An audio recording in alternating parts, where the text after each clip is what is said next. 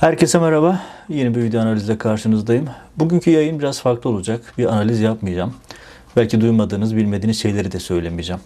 Aslında bu video benim için biraz kişisel bir e, tarihe not düşme videosu. En azından kendi adıma, yarınki nesiller, bugünlerin tarihini yazan insanlar, ya bu kadar haksızlık oluyorken o ülkenin gazetecileri, yazarı, çizeri, aydını ne yapmıştı diye dönüp baktıklarında evet kardeşim ben o dönemde bu haksızlıklara isyan ettim. O dönemde bu haksızlıklara karşı itirazımı koymuştum demek için aslında bu videoyu çekiyorum. Konu herkesin malumu. Harbiyeli okul öğrencileri. Biliyorsunuz yüzlerce Harbiyeli okul öğrencisi 15 Temmuz 2016 askeri darbe girişimi ne katıldıkları, destek verdikleri iddiasıyla ağır hapis cezaları aldılar. Çok büyük bir kısmı müebbet hapis cezası aldı. 6 yıldır cezaevindeler. Bir kısmı cezaevinde hayatını kaybetti. Bir kısmı İstanbul'da Boğaz Köprüsü'nde IŞİD kafalılarla, IŞİD e, destekçileriyle, Erdoğan rejiminin tetikçileriyle boğazları kesilerek, işkence edilerek, linç edilerek öldürüldü. Öldürülmeyen işkenceden geçirildi. Diğerleri de cezaevlerine sokuldu. Ve 15 Temmuz'un en masum kesimi olduklarına herkesin inandığı, bildiği, Harbiyeli okul öğrencileri en ağır cezaları aldılar, almaya devam ediyorlar. Bugün bu videoyu çekmemin nedeni şu. E, İstanbul TRT Dijitürk davası vardı 15 Temmuz davalarından bir tanesi. Oradaki müebbet hapis cezaları Yargıtay tarafından bozulmuştu. Hani bir umut acaba bu sefer hukuk işler acaba bu adaletsizliklerden vazgeçilir mi diye aileler bekledi, Yıllardır cezaevinde olan çocuklar beklediler. Ve bugün duruşma yapıldı. Yine Yargıtay bozmasına rağmen aynı mahkeme yine Harbiyeli çocuklara müebbet hapis cezası verdi. Şimdi 15 Temmuz'la ilgili çok şey söyleyebiliriz. Çok şey söyledik, yazdık, anlatmaya devam ediyoruz. Belgeleriyle ortaya koymaya devam ediyoruz. Daha bugün TR24'teki yazımda Ukrayna'daki bombalamalardan hareketle meclisin bombalandığı iddia edilen o geceye dair bir takım çelişkileri yazdım. Çünkü akıl var, izan var, mantık var. Hepimiz yetişmiş aklı başın insanlarız. Mantıklı olanı, saçma olanı görebileceğimizi, ayırt edebileceğimizi düşünüyorum. Harbiyeli çocuklar meselesi gerçekten artık vicdanın tefessüh ettiği, bittiği bir nokta. Ya bu çocuklar 13-14 yaşındayken askeri okullara devlete teslim edilen çocuklar. Hiçbir yetkileri yok. Askeri okul statü öğrenci bunlar. Sadece askeri yazması bunların statülerini değiştirmiyor. Onlara bir güç vermiyor. Sadece öğrenci. Hatta TSK açısından, iç hizmet yönetmeliği açısından normal erden bile aşağıdalar. Normal er yani vatan, vatani görevini yapan erden bile aşağıda askeri okul öğrencileri. Ve bu öğrenciler Türkiye'nin seçkin beyinleri bunlar. Çünkü harp okullarına girmek gerçekten ciddi bir birikim istiyor. Bu beyinler 15 Temmuz'da bu çocuklar 15 Temmuz'da otobüslere bindirildiler. Bir kısmı İstanbul'da, bir kısmı Boğaz Köprüsü'nde, bir kısmı gişelerde, Orhanlı gişelerde, bir kısmı TRT Türk binasında, TRT e, Dijitürk binasına götürüldüler. Otobüsten inmediler, ateş etmediler, kimseyi öldürmediler. İstiklal Marşı inmek söylemek için otobüsten indiler. İstiklal Marşı söyleyip tekrar otobüse bindiler. Yani başlarındaki komutanları ne demişse onu yaptılar.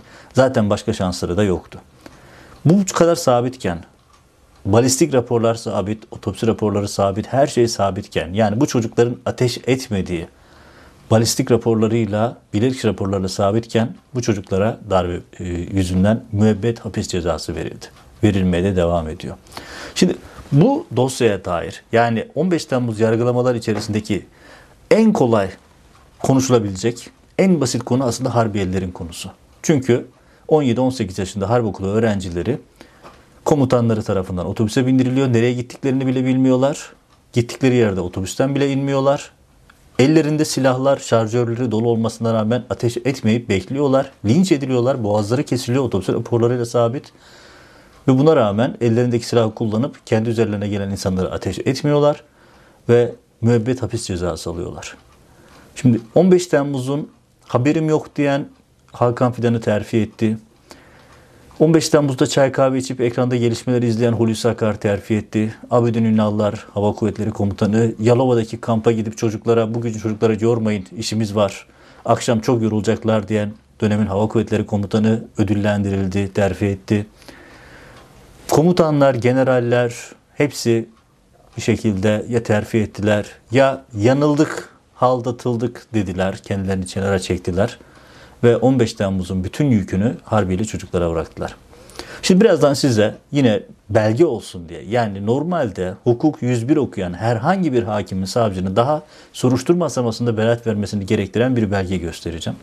Hani çok fazla teknik detaylara boğmak istemiyorum. Biraz da e, bunu bilerek yapmak istiyorum. Çünkü o kadar çok şey anlatıldı ki. Ama bu Harbiyeliler meselesi bir hukuk meselesi değil. Bir vicdan meselesi, bir e, ilke meselesi. Çünkü TSK içerisindeki en masum kesimin Harbiyeli olduğu çok açık. Bu çocuklar öğrenci. Herhangi bir suça karışmış değiller. Kaldı ki hiçbir şekilde kendilerine verilen emrin dışına çıkma şansları yok. Kaldı ki bu açıdan baktığınız zaman Harbiyeli bir öğrenciyle bir yüzbaşının, binbaşının hatta bir generalin farkı yoktur. Çünkü bir üst rütbedeki bir görev verdiği zaman bir altındaki görevin uymama şansı yok. O göreve itiraz etme şansı yok. Kaldı ki Harbiyeli öğrencilerin durumları çok daha vahim. Çünkü ne olduğunu bilmiyorlar. Çünkü otobüsün içindeler, ellerinde telefonlar alınmış, kapalı vesaire birçok e, e, şey var. Hatta bir şekilde e, suçlamalara konu olduğu zaman kendi amirleri söylüyor. Bu çocuklar terör tehdidine karşılık otobüslere bindirildiler. İstanbul'a oraya buraya götürüldüler ve onlara İstanbul'daki harp okuluna dönülüyor talimatı veriliyor. Bu şekilde yola çıkıyorlar. Yani harp okulu öğrencilerin tutuklanmaması bile gerekiyordu. Bırakın müebbet hapis cezası almayı. Yargılama esnasında bütün tanıklar, ya bakın o yargılama dosyalarını bir okuyun. Gerçekten akıllara ziyan şeyler görürsünüz. Yani son derece basit, son derece anlaşılabilir. Zeki çocuklar son derece basit bir şekilde kendi durumlarını anlatıyorlar ama mahkeme heyeti dinlemiyor bile. Mahkeme heyetleri ya ellerindeki telefonla oynuyorlar ya da dinliyormuş gibi yapıyorlar. Çok basit, çok temel konulara bile dikkat etmiyorlar. Şimdi neden askeri okul öğrencilerine bu zulüm yapılıyor kısmını sonra geleceğim. Ama şimdi size çok basit hani tarihe not düşmesi gereken bir evrakla ilgili bir şey göstereceğim. Bakın bu belgeyi ben dava dosyasından aldım. Hava Kuvvetleri Komutanlığı Harp Okulu Komutanlığından İstanbul Cumhuriyet Başsavcılığına gönderilen bir belge. 16 Kasım 2016 dava dosyalarında var. Asker öğrencilerin suçsuzluğunu bu belge ispatlıyor. Başka hiçbir şeye ihtiyaç yok. Hani değerlerini zaten var. Hani askeri okul öğrencilerinin masumiyeti konusunda zaten zerre şüphe yok. Askeri okul öğrencilerini suçlayabilmek için ya Nedim Şener olacaksınız ya da gözü dönmüş Akturul olacaksınız. Başka bir imkan yok. Çünkü onun dışında hiç kimse askeri okul öğrencilerini suçlayamıyor. Masumiyeti konusunda net. Şimdi bakın bu belgede diyor ki İstanbul Cumhuriyet Başsavcılığı'nın soruşturma ile ilgili sorduğu e, harp okulu öğrencilerle ilgili sorduğu sorular var. Burada 8 soru var. Ben bir taraftan önümde açık soruları da ekrandan okuyorum. Bu sorulara görüldüğü zaman çocukların darbeyle hiç bilgisinin olmadığını, hani çocuk diyorum da artık 6 yıldır cezaevindeler, hepsi yetişkin insan oldu ama gerçekten hani ben de 50'ye gelmiş bir insan olarak, 50 yaşına dayanmış bir insan olarak onları çocuk olarak görüyorum. Çünkü gerçekten çocuklar, 17-18 yaşında çocuklar bunlar. Ve ya bu çocuklara nasıl ceza verildi diye insanın düşünmemesi mümkün değil. Çünkü sorularda bakın bu belge resmi evrak. Mahkeme dosyasında var. Harp Okulu Komutanlığı diyor ki bu çocuklar hani soruyor savcı işte neden oradalardı? Hani başka bir niyetle mi oraya gittiler? Darbeye hazırlık olarak mı gittiler? Hava Harp Okulu Komutanlığı diyor ki işte şu şu şu şu yönetmelik şu şu şu kanun gereğince her yıl 2-8 hafta arası yaz döneminde yapılır. Yalova tatbiki eğitim kampı bulunmaktadır. Yani her yıl yapılan bir şey. Bu 15 Temmuz'a ait bir süreç değil. Kampın hangi tarihlerde planlandığını soruyor savcılık. Hani darbeye hazırlık olarak planladığı iddiası var ya. O da diyor ki işte e, 4-8-2015 tarihi 2 yıl bir yıl öncekiden planlanmış e, emirle yapılıyor. Yani 15 Temmuz'a münasır bir şey değil. Kampın her yıl rutin olarak yapıldığı açık açık zaten söyleniyor. Diğer kampların takvimlerin detayları azdasıyla veriliyor. Öğrencilerin kampa ne zaman geldiği ve nasıl ayrıldıkları ifadesi. Burada çok ilginç bir detay var. O da şu. Ya gerçekten hani insanın e, bu kadar insafsız olabilmesi gerçekten tuhaf bir durum. Şöyle ki şimdi diyor ki savcılık soruyor. Siz bu askeri okul öğrencilerin neden birinci ve ikinci sınıf öğrencileri e, darbe iştirakiyle katılıyor. 3 ve 4. sınıflar katılmıyor. Hani ya bir de şöyle bir şey var. Bakın elinizde hiçbir şey olmasın. Hiçbir bilgiye sahip olmayın.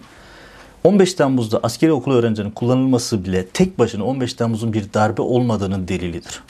Ya 15 Temmuz TSK NATO'nun ikinci büyük ordusu. İki generalden bir tanesi 240 general ihraç edildi. Kurmay subayların %90'ı ihraç edildi, atıldı. TSK'dan ihraç edilen subay, asubay sayısı 30 bini buldu. Ve bu insanların bakın sadece generallerin ve üst düzey isimlerin elinin altında ordular var. Ordu, harp okulu öğrencileri değil, ordu. Birinci ordu, ikinci ordu, kol ordular var. Yani orta büyüklükte 2-3 devletin ordusuna yetecek kadar asker var. Ellerinde savaş uçakları var, ellerinde her türlü teçhizat var, ellerinde olağanüstü yetişmiş özel eğitimli askerler var. Darbeyi bunlarla yapmayacaksınız. Harp okulu birinci, ikinci sınıf öğrencilerle yapacaksınız. Üçüncü sınıf ve dördüncü sınıflarla da bile değil. Neden? Çünkü diyor ki belgede üçüncü ve dördüncü sınıf askeri okul öğrencileri eğitim için Ankara'ya gitmişler.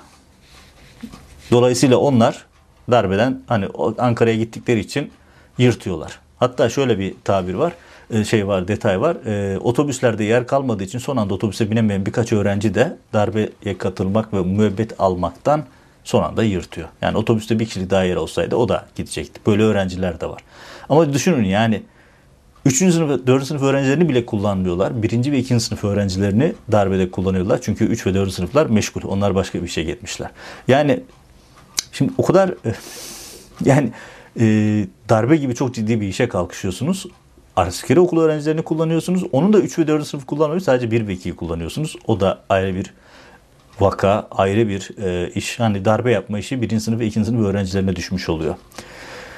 İstanbul'a götürüp götürmemeleriyle ilgili soruyor savcılık. O da diyor ki bunun normal olup olmadığını soruyor ve e, resmi yazıda deniyor ki çocuklara plansız tasbikatlar yapılıyor. Ansızın değişik e, mutat görevler veriliyor, ansızın görevler veriliyor. Dolayısıyla bu çocuklara bu şekilde plansız bir şekilde ansızın gecenin bir yarısında otobüse döndürülüp götürülmeleri son derece normal diyor. Hava Harp Okulu. Yani bu planlı, e, bu rutin bir uygulama. O yüzden hiçbir öğrenci şunu sormuyor. Ya biz bu saatte niye otobüse binip bir yere gidiyoruz demiyor. Çünkü bu planın eğitimi bir parçası. Zaten var bu eğitimler içerisinde. Yani öğrenci biz otobüse bindirip niye İstanbul'a gidiyoruz demez. Diyemez. Zaten şansı yok. Zaten demez çünkü önceden bunların hepsini yaşadıkları için zaten rutin bir uygulama bu. Şimdi kat, burada enteresan bir şey daha var mesela. Öğrencilerin diyorlar ki işte verilen emirleri sorgulayıp sorgulayamayacakları. Şimdi Diyor ki resmi belgede yani Hava Kuvvetleri Komutanlığı'nın mahkemeye gönderdiği evrakta askeri okul öğrencilerinin kendilerine verilen emri sorgulama şansları yoktu. Emri yerine getirmekten başka bir seçenekleri olmadığı değerlendirilmektedir. Hava Harp Okulu'nun yazısı bu. Ya şu yazıyı gören bir mahkeme, bırakın mahkemesini daha savcılıktan zaten bitmesi gerekirdi de mahkemeye diyelim ki düştü. Mahkeme başkanının resmi evraktaki yazı şu ifadeleri gördükten sonra o çocukların hepsini beraat ettirmesi gerekirdi. Ama aksine müebbet hapis cezası verdiler, vermeye devam ediyorlar. Şimdi bu da tabii ilginç şeylerden bir tanesi daha şu var. Yani bu resmi evrakta başka detaylar da var ama çok teknik bir yayın yapmak istemiyorum. Çünkü artık anlatmaktan yorulduk bunu. Ama Bugün bunu bilmeye de gerek yok. Yani askeri okul öğrencisinin darbe yapmayacağı, darbeci olmayacağını bilmek için ne asker olmaya gerek var ne de teknik bilgiye ihtiyaç var. Hani orada başka detaylar var. Mesela ne gibi detaylar var? İşte askeri okul öğrencilerinin olduğu ortamda defaatle mesela e, özellikle de o günlerde çok sayıda e, şey geliyor. Hmm,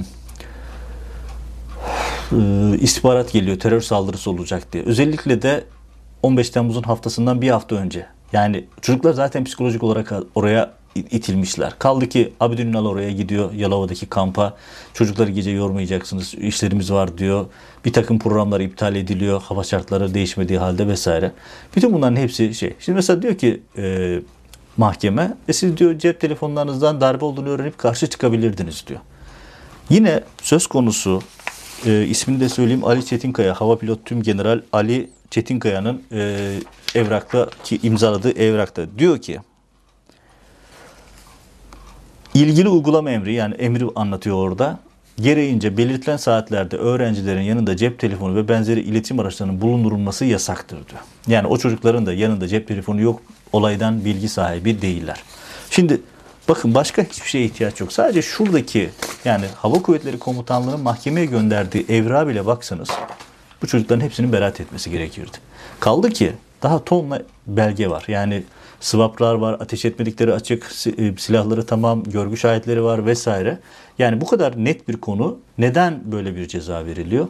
İşte onun siyasi analizini son bölümde yapacağım. Bir de tabii şöyle bir şey var. Hani 1 ve 2. sınıfları İstanbul'a gönderdiler. Acaba 3 ve 4'ler ne yaptı diye merak edersiniz. Ya da başka şehirlerdekiler ne oldu? Mesela aynı kapsamda Ankara 28. Ağır Ceza Mahkemesi'nde bir yargılama var. Yine harp okulu öğrencileriyle ilgili. Ve Ankara'daki 24. Ağır Ceza Mahkemesi'nin kararında diyor ki sanıkların olay gecesi askeri öğrenci konumda bulunmaları, yaşanan olayları anlama, değerlendirme ve buna karşı karar alma hususundaki tecrübe, rütbe ve bilgi düzeyleri değerlendirecek sanıkların TCK 30'a 4 maddesinde düzenlenen işlediği fiilin haksızlık oluşturduğu hususunda kaçınılmaz bir hataya düştüklerinin kabulü ile sanıkların diğer bilmem ne maddeleri uyarınca ayrı ayrı cezasına yer olmamasına. Şimdi Asıl olması gereken karar bu. Şimdi aynı öğrenciler İstanbul'da müebbet alıyor. Aynı öğrencilerin diğer bir ayağı Ankara'da benzer bir şekilde e, çünkü Ankara'da da bir takım asker okul öğrencilerinin e, darbeye karıştıklarıyla ilgili davalar var. Orada beraat alıyorlar, tahliye, e, tahliye ediliyorlar ve beraat alıyorlar. Şimdi dediğim gibi yani bu videoda ben size uzun uzun asker okul öğrencilerinin neden masum olduğunu anlatmayacağım. Çünkü gerçekten bu insanın e, aklına hakaret, insafına hakaret, vicdanına hakaret. 13-14 yaşında çocuklarla darbe falan olmaz. Darbe bu kadar basit bir iş değil. Bu işin içerisinde tabii neden e, Harbiyelilere bu kadar hedef yapılıyor? Neden en basit, en en e, TSK'nın en masum kesimi diye tanımlayacağımız ki gerçekten en masum kesimi Harbiyeli öğrenciler neden en ağır cezaları alıyor? Yani düşünün koca koca generaller beraat ediyor, tahliye ediliyor, herhangi bir ceza almayan çok sayıda isim var. En başta Hulusi Akar. Yani normal şartlar içerisinde yargılanması gereken bir isim. Ama onu bırakın terfi üstüne terfi alıp sarayın gözde isimlerinden biri haline geliyor. E şimdi Hulusi Akar'ın bilmediği ya da hakar, e, haberi olmadığı istihbaratını alamadığı darbe harbi okul öğrencileri mi yapacak? Hayır buradaki mevzu çok basit. Şimdi tabii bir de şöyle bir realite var. İşte yok efendim bunlar soruç alarak girmişti şöyle böyle deyip bir de Harbiyeli çocukların cezaevindeki mağduriyetlerinin kamuoyunda ilgi görmesini, makes bulmasını, destek bulmasını engellemek için rejim tarafından böyle bir yalan da ortaya atıldı. Ya Harbiyeli çocukların hepsi son derece zeki, parlak çocuklar. Bunlar cezaevi şartlarında girdikleri sınavlarda bile derece yaptılar. Dil sınavlarında derece yaptılar, diğer sınavlarda derece yaptılar. Hatta o kadar rahatsız oldu ki rejim, cezaevi şartlarında eksik imkanlara ve eski, eksik e, şartlara rağmen girip derece yapan öğrencilerin okullarına devamında sorunlar çıkarttılar. Şimdi çok uzatmayacağım. Yani neden bu kadar e, nefret edildi Harbiyeli öğrencilerden? Neden böyle bir zulüm yapılıyor? Çünkü bu işin e, şeyle bir izahı yok. Mantıklı bir izahı yok. Yani bu işin e, hani hukuki bir izahı yok. Siyasi bir karar. Tamamen bir intikam kararı. Yani Harbiyeliler İstanbul'da boğazı kesildi. Oradan kurtulanlar işkence gördüler. Oradan kurtulanlar müebbet aldılar. Yani burada çok net, belirgin bir siyasi linç var. Aslında bu sorunun cevabı çok basit. Erdoğan rejimi Türkiye'de sistemi değiştiriyor, rejimi değiştiriyor ve yeni bir rejim inşa ediyor. Bu rejimin inşası için yeni bir ordu gerekiyordu.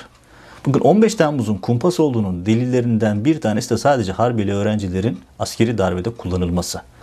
Askeri darbede e, Harbiyeli okul öğrenci kullanılır mı? Bunun Türkiye'de tarihinde örneği var ama bu böyle değil. Yani çocuklar Harbiyelilerin nasıl kullanılacağına dair bunun başka örnekleri var. Ama 15 Temmuz'da yaşanan olay tamamen Harbiyeli çocukları darbeye bulaştırıp darbe işine karıştılar gibi bir algıyla oluşturup hani 15 Temmuz'da zaten Boğaz Köprüsü'nün tek şeridinin kapatılması kadar aptalca bir olay olamaz. Ama özellikle o çocukları oraya götürdüler ki görünür olsunlar. Özellikle Harbiyeler üzerinde, askeri okul üzerinde bir takım e, algı çalışmaları yapılacak, bir takım planlamalar var. Kaldı ki daha sonra bir takım generaller e, özellikle Ergenekon sürecinden tanıdığımız generaller askeri okulların kapatılması için daha önceden plan yapıldığını itiraf etmişti. Şimdi aslında mevzu çok basit. Yeni rejimin ordusunun kurulması için yeni bir düzen gerekiyordu. Bu düzenin oluşabilmesi için de askeri okulların, askeri hastanelerin, askeri sistemlerin tümden kapatılması ve yerine rejimin isteği şeklinde Sadat'ın kontrolünde, sarayın kontrolünde bir düzenin kurulması gerekiyordu. Bu yüzden Harbiyeli öğrenciler bilerek, isteyerek 15 Temmuz'u kurgulayan, planlayan kişilerce okullarından alındı. Ne olduğunu bilmeden otobüslere dolduruldular. Ne olduğunu bilmeden götürüldüler, cehennemin ortasına bırakıldılar. Linç edildiler, boğazları kesildi. Bakın boğazları kesilerek öldürüldü otopsi raporlarıyla sabit. İşkence gördüler. Yıllardır da müebbet hapis cezası alarak cezaevinde bulunuyorlar. Zerre kadar vicdanı olanın buna isyan etmesi gerekir. Etmeyenlerin de gerçekten ideolojik saplantılarının ne kadar derin olduğunu görmek mümkün. Peki tekrar söylüyorum. Harbiyeli öğrenciler bu işe neden bulaştırıldı? Aslında cevabı çok basitti. Harp okulları, liseler, harp okulları kapatıldı, askeri liseler. Onların yerine rejimin kontrolünde tamamen Sadat kontrolünde ki bu Sadat'ın yöneticileri de zaten bunu itiraf ettiler. 4 yıl boyunca askeri okul mülakatlarını, seçmeleri yaptıklarını zaten kendileri de bunu kabul ettiler. Sedat Peker'in videolarında zaten gündem olmuştu. Yapılan şey çok basit aslında. Harbi okullarını kapatıp yerine rejimin kontrolünde, rejimin siyasi düşüncesine uygun askerlerin yetiştirilebilmesi için ki yetiştirmede değil zaten o okullardan çıkan öğrencilerin yürümeyi bile beceremediğini sosyal medyaya çıkan videolardan görüyorsunuz. Askeri okullar TikTok videolarından geçilmiyor. Şimdi bu kadar ciddiyetsiz bir hale getirdiler burayı ve başına da saraya bağlı bir isim atandı. Saraya bağlı bir isim özellikle atandı ki orası tamamen iktidarın istediği doğrultuda İran'daki rejim muhafızlarına benzer bir sistemi kurmak için parti teşkilatlarından referansla gelen isimler Sadat'ın kontrolünde seçildiler, alındılar ve orada siyasi eğitimden geçiriliyor. Askerden çok siyasi eğitimden geçiriliyor. İşte bu planın hayata geçirilebilmesi, yeni rejimin ordusunun yetiştirilebilmesi için harp okullarının kapatılması gerekiyordu. Bu yüzden 15 Temmuz kurpasına, kurgusuna asker okulu öğrencileri monte edildi ve masum oldukları bilinmesine rağmen haksız, hukuksuz bir şekilde yıllardır cezaevinde tutuluyorlar ve şimdi yeniden müebbet hapis cezası veriliyor. Bu kararın hukuki olduğunu söylemek mümkün değil. Vicdani olduğunu söylemek mümkün değil. İnsaf içerdiğini söylemek mümkün değil. Ve maalesef ki maalesef Türk toplumu, Türk aydını bu kadar açık. Ya bu kadar açık. Hani bir başka bir askerden, başka bir birlik komutanından, generalden bahsetmiyoruz. Harbiyeli öğrencilerden bahsediyoruz. Bunu bile savunmaktan aciz insanlar var. Bunu bile itiraz edip buna bile ne yapıyorsunuz siz diyemeyen insanlar var. İşte ben o insanlardan olmadığımı göstermek için tarihe bir not olsun diye bir videoyu tekrar çekiyorum. Bu videoyu tekrar gündeminize sunuyorum. Yoksa dosyanın içerisinde anlatacak çok bir şey kalmadı. Bu çocukların masumiyeti gün gibi ortada ama rejim yeni düzeni kurabilmek, yeni rejimin ordusunu yetiştirebilmek için Harbiyeli öğrencileri bu çamura, bu cehennem içerisine attı ve şimdi de üzerlerine beton döküyor. Hani bir şiir var ya, e, kuzulara ha, bu Taksim'i kurt yapmaz şeklinde biten bir e, şekilde. Yani bu kadar vahşice, bu kadar hukuksuzca bir e, kararı herhalde ancak isminde adalet olan, kendisini Hazreti Ömer örnekleriyle sürekli lanse eden Erdoğan rejimi döneminde yapılabilirdi. Hulusi Akar döneminde yapılabilirdi. Artık başka bir izahını gerçekten yapmak mümkün değil. Hani ben bireysel olarak bu haksızlığa ilk günden bu yana itiraz ettim, kayıtlarımı düştüm. Her defasında haberlerini yaparak bir gazeteci olarak yapabileceğimi yaptım, yapmaya da devam ediyorum. Hani bu videoyu yapma nedenim de başta da en başta söylediğim gibi size duymadığınız yeni şeyleri aktarmak değil. Çünkü hepsi mahkeme dosyalarında var. Hepsi, hepsi tanıkların, sanıkların savunmalarında var. Merak eden dönüp bakabilir, aileleri dinleyebilir, çocukları dinleyebilir.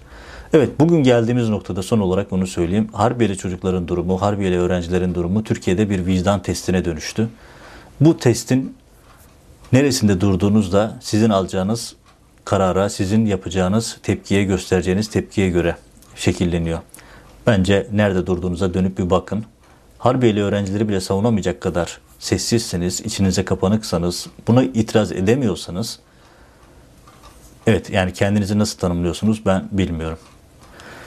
Evet dediğim gibi Harbiyeli öğrencilere bugün yine müebbet hapis cezası verildi. Masum olduklarını bildikleri halde 6 yıldır cezaevinde tutulan çocuklara müebbet hapis cezası verildi. En masumlara en ağır ceza. Yani buna nasıl makul bakılır, nasıl kabul edilir gerçekten akıl alır gibi değil.